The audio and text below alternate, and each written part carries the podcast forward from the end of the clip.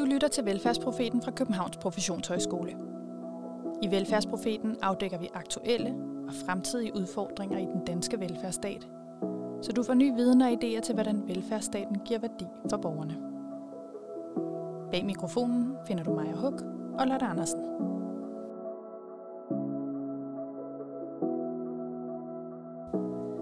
En skøn solskinsdag i juni pakkede vi optageudstyr og notesblok og hoppede på bussen til folkemødet på Bornholm for at få en fornemmelse af bevægelser og tendenser på velfærdsområdet. At vi er i marken, kan du høre på lyden. Så læn dig tilbage og forestil dig, at du er der selv. Godt. Velkommen til den her spændende debat. De næste 45 minutter det kommer til at handle om unge og mistrivsel. Mistrivsel blandt unge var et gennemgående tema, som vi støtte på igen og igen. Den nationale sundhedsprofil fra Sundhedsstyrelsen viser en markant stigning i mistrivsel blandt unge. Op mod hver tredje ung i undersøgelsen angiver, at de mistrives. Det er en stigning på 8 procent sammenlignet med den seneste undersøgelse fra 2017. Hvorfor er det bogstaveligt talt sygt svært at være ung i Danmark? Det undersøger vi i dagens udsendelse, hvor vi taler med en psykolog og en læge, som giver hver deres bud på, hvordan vi kan forstå den stigende mistrivsel blandt unge. Vi har også talt med to unge om, hvordan de forstår den stigende mistrivsel, og hvordan de oplever livet som ung i en individorienteret præstationskultur. Så lyt med og bliv klogere på mistrivsel blandt unge. Professor ved Center for Ungdomsforskning Noemi Katznelson påpegede tre samfundstendenser, som kan bidrage til at forklare den stigende mistrivsel blandt unge. Den første tendens, som har betydning, handler om det, den tyske sociolog Hartmut Rosa omtaler som accelerationssamfundet. Altså det forhold, at vi lever i en tid i konstant forandring.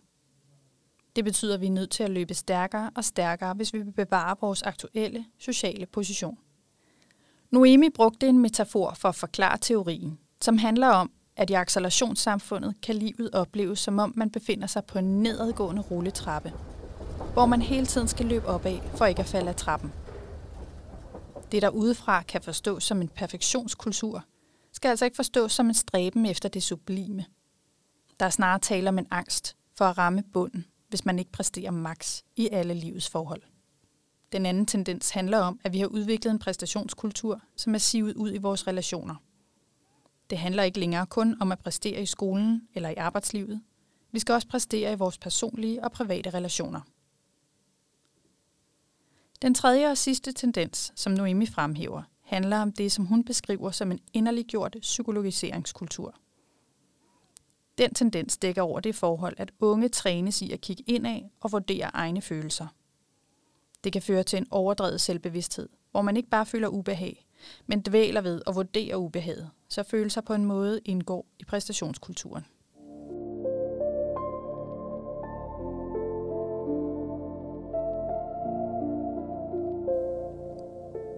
På folkemødet deltog mange eksperter med forskellige bud på, hvordan man kan forstå og forebygge mistrivsel blandt unge.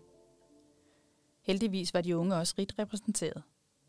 Vi talte blandt andet med 18-årige Emilie Skåning, som er en af de mange danske unge, som har slået sig på livet.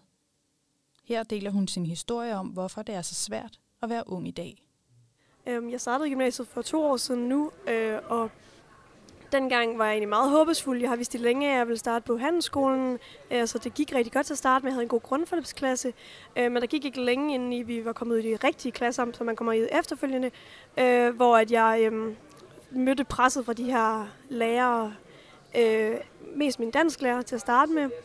Øhm, og jeg fik rigtig, rigtig svært ved at skrive de her danske afleveringer, fordi der lå så meget pres i mit hoved og kan man sige, på min krop øh, i forbindelse med dem, så at jeg stod ligesom af. Øh, og den negative påvirkning spredte sig ligesom til resten af min faglighed. Det spredte til afsætning og matematik og engelsk.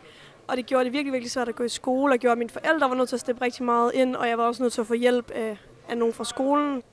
Og kan du prøve at udfolde lidt, hvad var det, der gjorde som hos den her lærer, eller den feedback, som gjorde, at du følte en usikkerhed, at du ikke bare tænkte, den idiot, og så ligger jeg mine kræfter et andet sted. Hvad var det, der gjorde, at det ligesom, at du vendte ind i dig selv?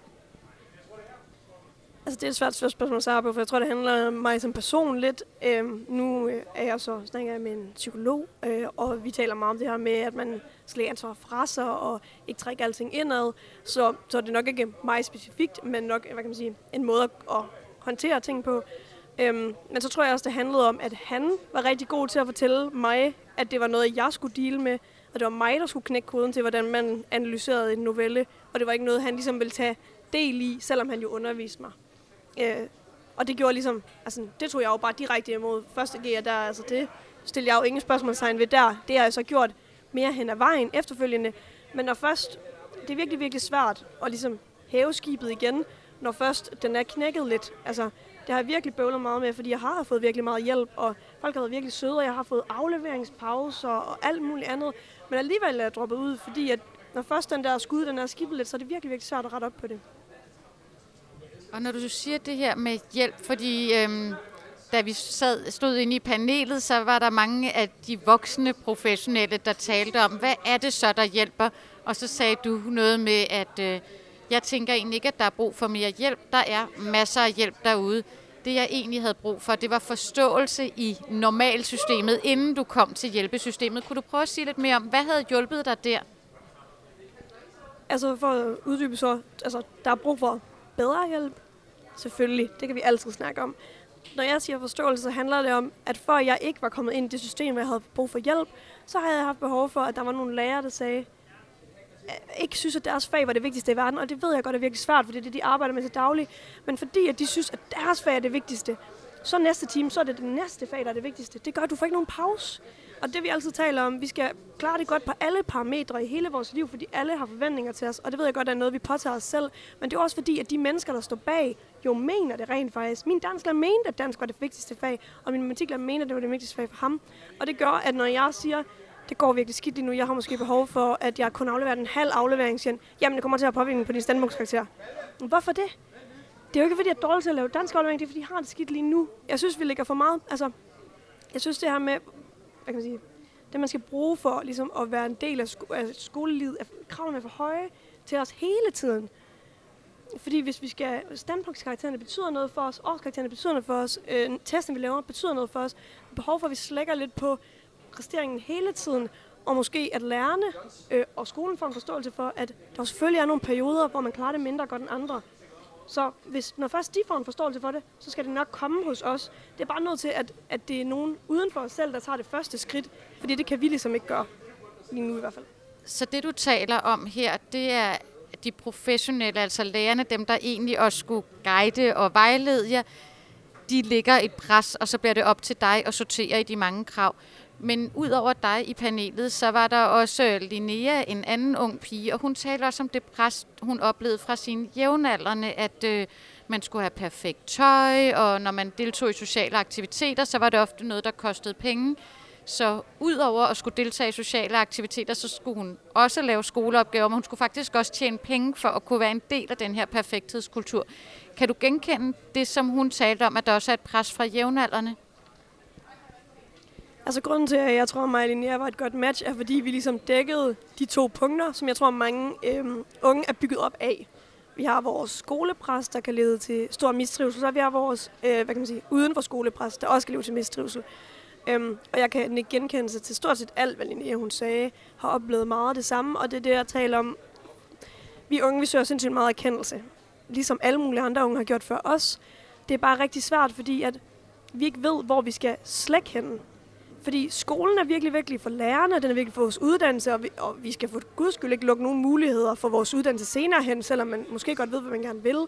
Man skal tjene penge, for man kan komme ud og lave noget, så det ser godt ud på sociale medier, men også så man føler sig som et godt og ungt menneske, fordi vi taler så meget om, du only live once, og være ung, mens du kan, og sådan. Så det gør det virkelig, virkelig svært, fordi vi, vi taler om, at man er nødt til at slække et sted, men jeg, jeg ved ikke, hvor jeg vil slække henne. Så enten skal, skal jeg slække på min uddannelse og på min fremtid, eller så skal jeg slække på min trivsel i nuet. Og det ved jeg ikke, hvordan jeg skal kunne vælge imellem. Øh, inden i paneldebatten, der blev også snakket en del om det her med at fokusere, altså at have sådan øh, et perspektiv på, at mistrivsel måske også kan være, øh, hvad skal man sige, sådan, at det ikke er mistrivsel, alt mistrivsel, der er et problem altså, at der også er noget, der er en del af livet. At få et firtal, at være bange for noget, at have eksamensangst, det kan også være en del af livet, hvor man så normaliserer mistrivsel lidt, kan man måske sige. Og på den anden side, så står du og nogle af dine ligesindede siger, at det er også rigtig vigtigt, at I lytter til os og I er opmærksom på os og I hjælper os og forstår os. Hvad tænker du, altså når de siger det her med, noget af det er også en del af livet, er der noget om det, eller synes du, det er sådan et, altså er det bare sådan et voksenperspektiv på det? Mm, jeg er egentlig til dels enig i, at der er det, ting, der er del af livet. Jeg synes bare, det er vigtigt, at vi taler om det. Øhm, jeg tror, det, der har gjort det, og det, altså, det med, at der er ting, der er del af livet, har gjort det sindssygt svært for mig at navigere i min øh, mistrivsel. Fordi at vi har, især som kvinder, synes jeg, jeg tror også, det måske det, der påvirker os nogle gange, har fået at vide fra barns ben af, at, at vi er divaer, og vi overreagerer, og vi skriger, og vi larmer. Og sådan, det gør, at jeg har hele tiden været sådan, at jeg har det ikke så skidt, altså, du ved. Men veninder siger også, at de er lidt deprimerede, så det er, måske, altså det er nok den genre, jeg passer ind i. Ja, de har også svært ved at skrive dansk afleveringerne.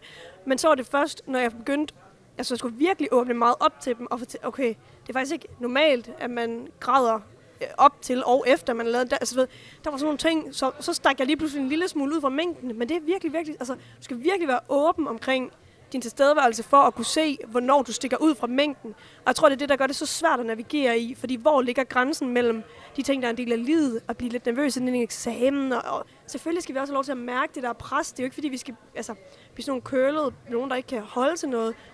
Men vi er også nødt til at forstå, at vi ikke ved, hvor grænsen er, og derfor tror jeg, der er mange, der mistrives, fordi de, ikke, de, fordi de tror, at de ikke mistrives, og så bliver fanget i den spiral super spændende perspektiv, også kønsperspektivet ind i det, synes jeg.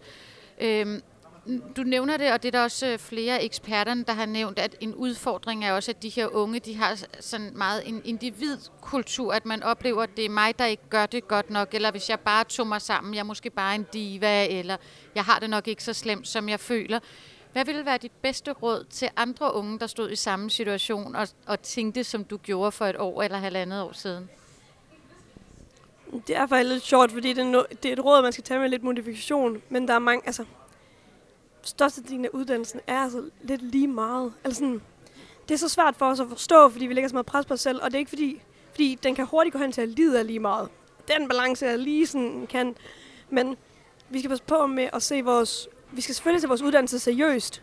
Men vi tager alle sammen forkerte valg, og det er næsten bedre at have prøvet. Altså, nu skal jeg starte på en ny uddannelse på et tidspunkt, og så har jeg min handelsskoleår, den bruger jeg hele tiden. Jeg har brugt dem til at komme ind i den forening, som også er den, der har holdt mig ligesom oven vande og sikret, at jeg havde et fællesskab, jeg kunne gå til. Men det er også det, der har gjort, at jeg ved, hvordan man øh, laver en analyse af en virksomhed. Eller sådan.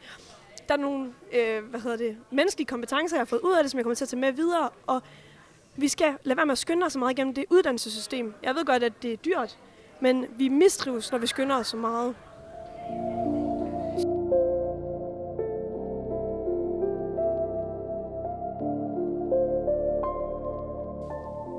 Emilie fortæller, at hun fandt støtte i det fællesskab, hun mødte i landssammenslutningen af handelsskoleelever. Vi var så heldige, at vi også fik lejlighed til at tale med deres formand, Maria Bøge Blendstrup, som delte sit perspektiv på, hvordan vi som voksne kan bidrage til at styrke trivslen for unge. Maria øh, Bøge Blendstrup, du er jo øh, formand for landssammenslutningen af handelsskoleelever. Det er en lang titel, men, øh, men du har deltaget i en debat i dag om børn og unges mistrivsel. Og noget af det, jeg blev meget optaget af, du talte om, det var det her med de voksnes rolle. At på den ene side, så oplever du, at de voksne rigtig gerne vil de unge og har masser af idéer til, hvordan vi kan øge unges, mis- eller unges trivsel. Men vi glemmer at invitere de unge med. Hvad vil være dit bedste råd til voksne, der er bekymrede og som gerne vil støtte generelt børn og unges trivsel? På uddannelsesinstitutionerne tror jeg, noget af det vigtigste, de kan gøre, det er øh, at hjælpe eleverne med at, med at organisere sig øh, i elevråd, i festudvalg og virkelig understøtte det, fordi det er nogle fællesskaber, hvor man kan møde hinanden på tværs, man kan være noget for andre, man kan være med til at gøre en øh, forskel, øh, og det kan skabe noget værdi for en, at man kan møde nogen, der er ikke nødvendigvis lige ligner dem, der sidder i, i klasselokalet. Øh, men samtidig kan man så også øh, skal man sørge for at spørge eleverne, øh, spørge os unge, hvad er det, vi har behov for? Øh, er, det, er det flere trivselsture i vores, på vores uddannelser, eller er det, at vi skal uddanne os selv mere til at tage hånd om vores klassekammerater? Øh, du siger det her med, at det er vigtigt at spørge de unge. Det giver jo rigtig god mening og sådan føles intuitivt rigtigt. Samtidig så taler vi om, at vi også kommer til at individualisere problemerne. Kommer, kan vi risikere at komme til også at individualisere, at øh, du har det dårligt, og du skal også fortælle mig, hvad løsningen er, så jeg kan hjælpe dig? Jeg tror, det står på to ben. Øhm, det ene er jo, at vi har et, et civilsamfund, hvor at jeg drømmer om, at vi kan styrke unge så meget, at vi kan organisere os og hjælpe hinanden og være fælles om at løfte de her dagsordner. Det gør vi selv i den forening, jeg er aktiv i. Og så er der jo også den del, hvor at, at mistrivsel er enormt individuelt, og rigtig mange unge tror også, at de skal gøre det helt alene. Det er en kamp, de skal tage for dem selv. Så er man stærk, og så er man lykkedes, så længe man, er, man skal være glad, og man skal være lykkelig hele tiden. Og hvis ikke man er det, så, øh, så er der jo noget i vejen. Så er man jo ikke 100% perfekt. Øh, og og der tror jeg, man må tage hånd om, om sig selv, men det er noget, vi skal gøre sammen. Vi skal, vi skal hjælpe hinanden til at have styrken til at spørge om hjælp, til at snakke om det. Øh, den dialog tror jeg virkelig er vigtig, og det kan vi ikke gøre selv. Det er en for stor byrde på vores egen skuldre som unge mennesker, og derfor er det noget, vi både som kammerater skal hjælpe hinanden med, men også voksne og alle dem, der omgiver os i vores øh, liv, lærere særligt også har et stort ansvar. Øh, ikke kun som faglige undervisere, men det er også dem, der er i klasselokalet øh, og kan se, hvad der egentlig udspiller sig i en helt vildt stor del af vores liv.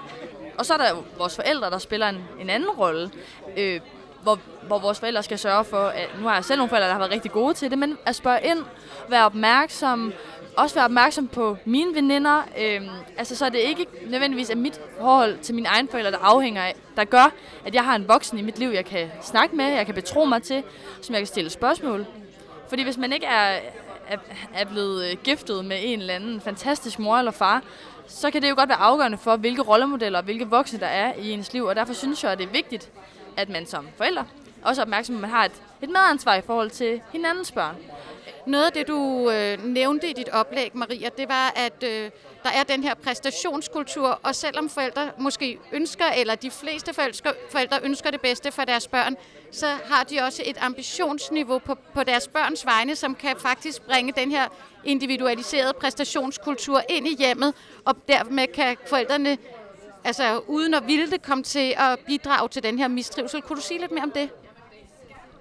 Ja, vores forældre vil jo det allerbedste for os. De vil helst have, at vi går et skridt videre end dem på uddannelsesstigen og gerne uddanne os op og få en bedre fremtid. Selvfølgelig vil de gerne det. Og det skaber nogle gange øh, lidt nogle skyklapper for at møde øh, os som børn og som deres døtre og sønner, øh, hvor vi er. Med, med de ambitioner, vi selv har. Hvad er det, vi gerne vil ved vores liv? Hvis man for eksempel gerne vil tage en erhvervsuddannelse, det skal man da ikke hindre sig af, fordi mor siger nej du skal da på gymnasiet, fordi du er så skarp og dygtig. Øh, hvis, hvis man hellere vil bruge hænderne, for eksempel. Og, og de ambitioner kan jo godt nogle gange komme i vejen. Og så er der også det med, at selvom man virkelig gerne vil være en god forælder, og det er jo, det er jo tit det, altså de ambitioner, det er fordi, man gerne vil være en god forælder, og det kan man sagtens være. Men det er ikke altid, man føler som ung, at man kan betro sig til sine forældre, fordi der er nogle ambitioner, der er, øh, der er et særligt forhold mellem barn og forældre, der gør, at, at jeg som ung ikke altid tænker, at mine forældre er dem, jeg først har lyst til at gå til med mine problemer. Øhm, og det tror jeg også, man skal være bevidst om som forældre, og derfor også øh, er det så vigtigt, at man er det for hinandens børn. Fordi at det er nemmere for mig at gå til min øh, venindes mor, for hende skal jeg ikke præstere over for, og det samme skal mine veninder jo ikke over for min mor. Fordi der har man kun en, en relationel sådan meget uformel rolle, og ikke en opdragelsesrolle eller en, et fremtidsperspektiv, man skal kigge på. Øh, så derfor tror jeg, det er virkelig vigtigt, at man, man sørger for, at i mødet med, med alles unge og børn, at have, have, have sin, være sin rolle bevidst som forældre, og den autoritet, man er, øh, og tryghedsperson.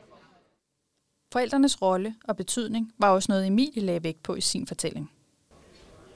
Altså for først lige at tale om det her med, at forældrene skal steppe op, så synes jeg også, at det er svært at sige for forældre, at de skal steppe op. Fordi forældre er ikke uddannet det, de laver. De har ingen forstand på, hvad de har gang i. De gør, hvad der føles der er bedst. Og det er også derfor, jeg bliver sådan lidt provokeret, når de siger, at de skal bare steppe op og du ved, snakke med deres børn. Og tænker, hvordan ved de, de skal det? Altså, det forstår jeg slet ikke, hvordan man kan stille krav til nogen, der ikke ved, hvad kravene skal være. Øhm, mine forældre har været støttende i forhold til de begge to skolelærer, heldigt for mig, og ligesom haft de forskellige fag, de kunne hjælpe mig i, og øh, de har hjulpet mig så galt, som min mor har skrevet øh, størstedelen af de danske afleveringer, jeg lavede i 2G, øh, med mig på sidelinjen.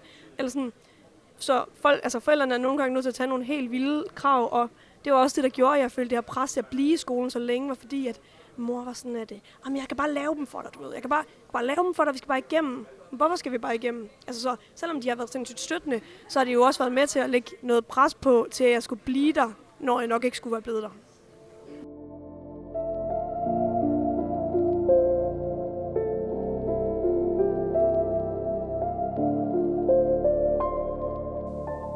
Udover de unge, som bidrog med deres perspektiver på trivsel og mistrivsel, deltog mange voksne, som på forskellig vis beskæftiger sig med unges livsforhold, trivsel og mentale sundhed.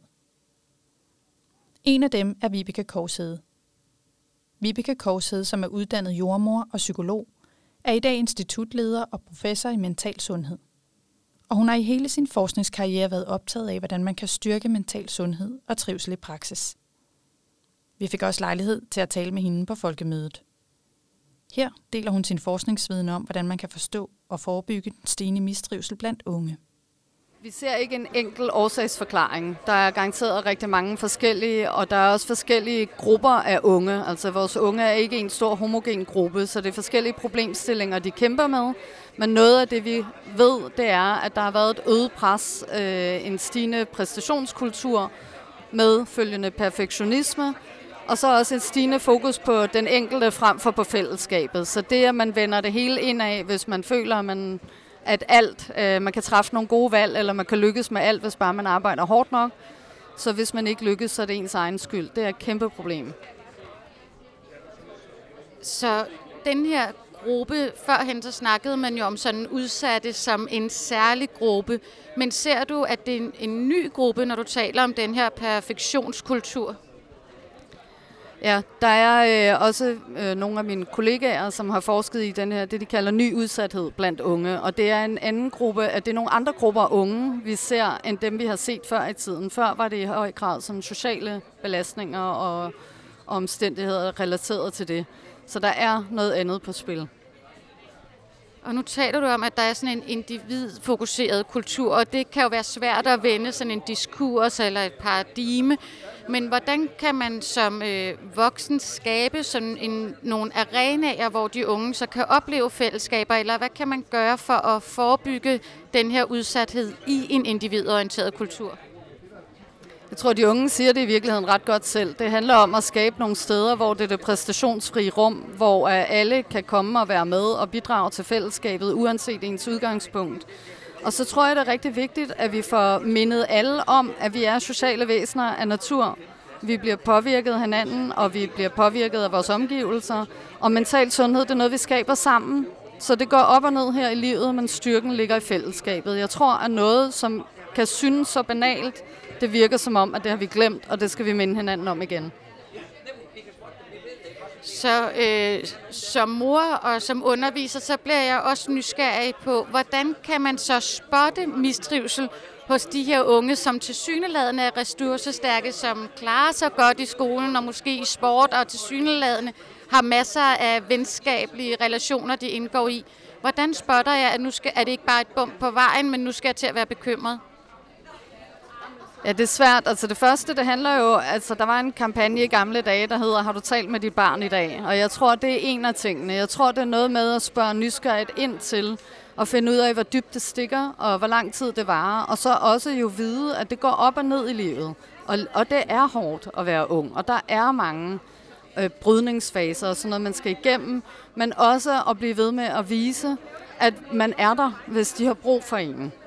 Jeg tror samtidig, det er rigtig vigtigt. Vi ved, at 80 øh, procent af børn med angst har ængstlige forældre. Jeg tror også, at det er rigtig, rigtig vigtigt, at man ved og at man forstår, at man kan faktisk komme til at fastholde ens børn i noget, hvis man kommer til at give udtryk for, at man ikke tror på, at de kan klare det.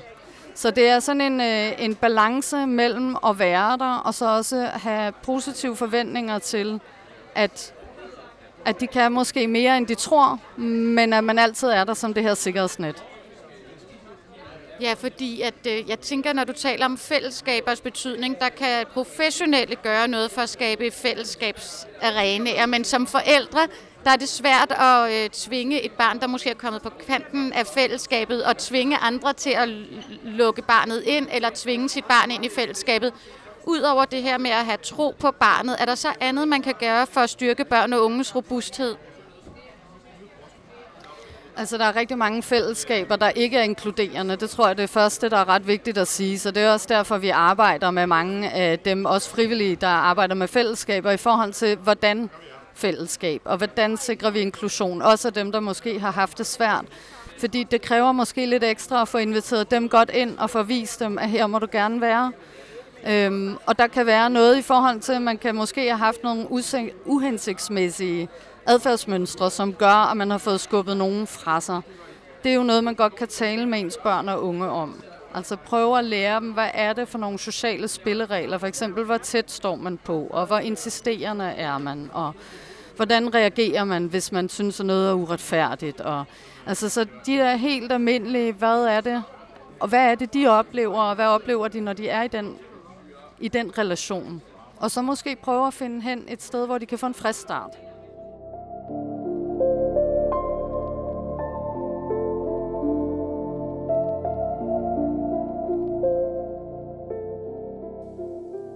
Mistrivsel er et bredt begreb, som dækker over alt fra fysisk og mentalt helbred til sociale relationer og uønsket ensomhed. Alt sammen bekymrende. Men heldigvis er alle forhold ikke lige behandlingskrævende. Noget kan klares ved hjælp af støtte fra de unges eksisterende, private og professionelle netværk. Mens andet kræver mere specialiseret behandling, f.eks. i psykiatrien. Vi har spurgt læge Jakob Klærke, som er formand for Psykiatri- og Socialudvalget i Danske Regioner, hvordan man skældner mellem det, der kan klares inden for normalsystemet, og det, som kræver mere specialiseret tiltag. Vi, vi prøver at skille tingene ad og sige, at mistrivsel det er der, hvor at de normale ting i livet, når man bliver ramt af kærestesover, øh, ensomhed, øh, synes, at der er noget, der er svært, at det ikke bare lige forsvinder igen, men sætter sig lidt fast, men, men uden for det der sygdomspsykiatri. Så det er noget, vi alle sammen vil opleve på et tidspunkt i livet, at vi ikke trives super godt. Men for de fleste, så går det over igen af sig selv, og nogen har brug for lidt ekstra øh, hjælp fra, når vi snakker unge, og nogle voksne omkring dem, som kan hjælpe dem videre på vejen i, vejen i livet. Så man ser og taler om, at der er den her stigende mistrivsel blandt unge, men du skældner uh, mellem, altså hvornår det er psykiatrisk og hvornår det er mistrivsel, men er der slet ikke nogen sammenhæng? Ser I ikke nogen stigning i psykiatriske tilfælde koblet til stigningen i mistrivsel? Jo, vi ser også en, en stigning i børne- og ungdomspsykiatrien, og den er faktisk også lidt todelt. Fordi noget af det handler om, at vi er bedre til at opdage psykisk sygdom, bedre til at opdage det, vi kalder udviklingsforstyrrelse, autisme, ADHD. Og når vi opdager det tidligt, så kan vi bedre hjælpe folk. Og den anden del er så, hvis man går i mistrivsel i lang tid, er belastet i lang tid, så kan det udvikle sig til psykisk sygdom. Så kan man få angst oveni, eller depression, eller OCD, eller spiseforstyrrelse som en reaktion på ens mistrivsel. Så det er rigtig vigtigt, at vi hjælper dem, der ikke trives på et tidligt tidspunkt, så det ikke udvikler sig til noget andet. Men der er nogle gange i debatten sådan det, jeg kalder en fejlopfattelse i forhold til, at hvis vi nu sætter massivt ind, for, ind i forhold til mistrivsel, så kan vi undgå al psykisk sygdom, og det kan vi ikke. Og i forlængelse af det, så får jeg også lyst til at spørge dig om, fordi at øh, op igennem øh, 80'erne og 90'erne, så var der stort fokus på sådan det biologiske, i for eksempel i forbindelse med ADHD og autismediagnoser, så har der en lang periode været et fokus på den her perfekthedskultur, altså årsager i samfundet. Og nu er det som om, der er en ny bølge, at det er forældrene, der øh, køler børnene og gør dem til snowflakes. Fra et psykiatrisk perspektiv, hvad forstår du som årsagen til den her stigende mistrivsel og stigning i psykiatriske tilfælde?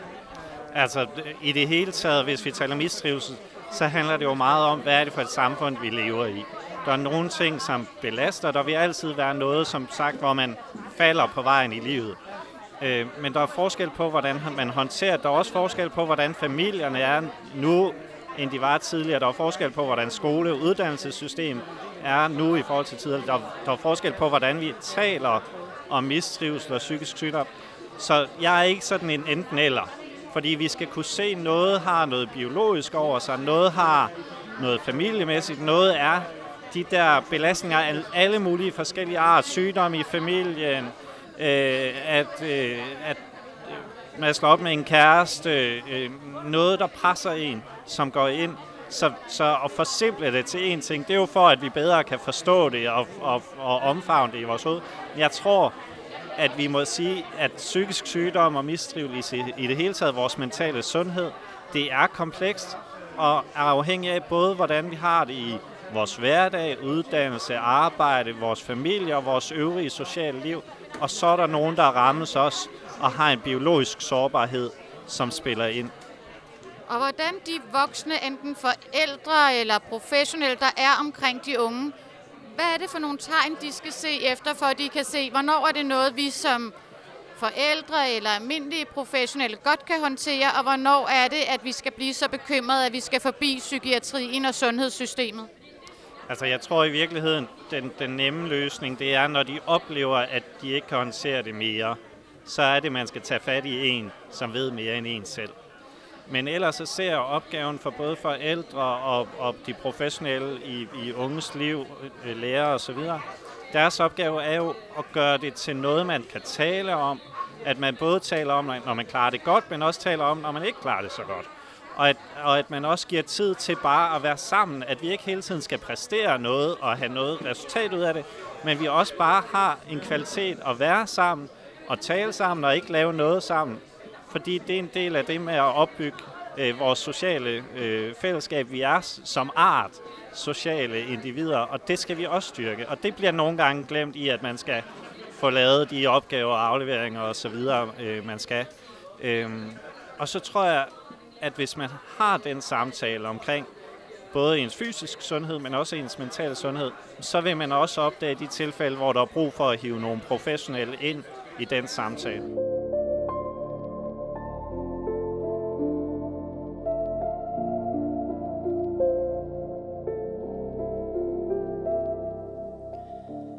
Lotte, ud over at øh, vi havde en dejlig solskinsdag på Bornholm, Mm. så var vi jo også begge to meget inspireret af de debatter, vi hørte, og de mennesker, vi talte med. Mm. Hvad blev du mest inspireret af? Jeg tror, jeg blev inspireret af noget af det, som både øh, de unge selv og de voksne eksperter var optaget af. Og det var det her, som Emilie talte om, at det er ikke alt, der nødvendigvis skal fikses. Altså det med, at vi gerne vil fikse det, kan på en måde ryge med ind i den her øh, præstations- eller perfekthedskultur. At vi skal også give lov til bare at forstå, når de unge mistrives, og give dem lov til at dvæle ved det, og være i de her øh, livskriser eller bump, man oplever igennem livet. Altså, jeg tænker ikke, når vi taler om dem, som har brug for den her special, specialiserede hjælp fra psykiatrien eller andet, men nogle af de, hvad skal man sige, livskriser, som godt kan føles ekstremt barske, mens man er i dem, men det kan næsten føles endnu mere, som om man har fejlet eller er forkert, hvis det så skal fikses for hurtigt, i stedet for at man får lov at, at blive i det og lige finde ud af, hvor er det overhovedet, jeg er på vej hen? Hvad er det, jeg gerne vil med mit liv? Ja, det tror jeg faktisk også virkelig med mig, det der med også at lade de unge mennesker føle livet på godt og ondt. Men som er sindssygt svært. Altså det tænker jeg, uanset om man er forældre eller man er lærer, altså det her med at, at være i tætte relationer og holde af nogen, så har man jo, så er det næsten ikke til at holde ud og se på, at de mistrives og ikke handle. Altså det er sådan ens umiddelbare at sætte et mentalt plaster på, når man kan se, de lider, ikke? Jo, fuldstændig rigtigt. Så synes jeg også, det var meget spændende. Der var flere af dem, der talte om det her med, at, øh, at midten på en måde er blevet udraderet. Jeg tror også, det var Stefan Hermann, der udtrykte det sådan faktisk. Altså, at enten så får man 10 eller 12, hvilket er ikke perfekt, men det, så holder man snuden over vandet, øh, eller også har man fejlet. Så der er ligesom ikke noget midt imellem. Og det er jo også hårdt arbejde at skulle være i sådan en kultur. Ja, og det kunne man mærke, at det var der flere, der sådan øh, bed på, da han sagde det, øh, nogle med Katznelsons sagde også, at vi skulle huske, at de fleste af os er faktisk gennemsnitlige, og det er Mhm. mm-hmm. okay.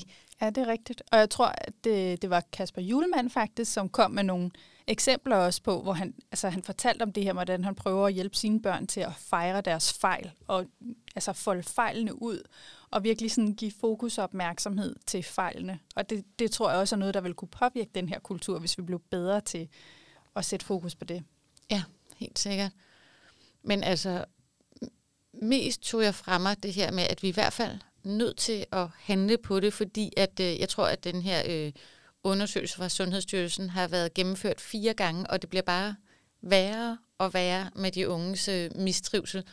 Og, og det tænker jeg, at det, man kan ikke øh, lave fire undersøgelser med fire års øh, mellemrum, så i alt 16 år, og så bare lade stå til. Altså vi er ligesom nødt til at gøre noget andet end at snakke. Vi er også nødt til at på en eller anden måde øh, få styrket den mentale sundhed blandt de unge. Ja, fuldstændig. Og der var jo også nogle gode pointer omkring det her med, at selvom vi begynder at afskaffe fremdriftsreformer eller evalueringskultur og karakter og sådan noget, så, så er det ikke nok i sig selv, for vi har faktisk internaliseret det. Vi behøver det ikke mere. Vi vurderer os selv så hårdt, at vi behøver ikke øh, ydre omstændigheder mere. Så derfor er det jo noget kulturelt, vi skal ind og have fat i.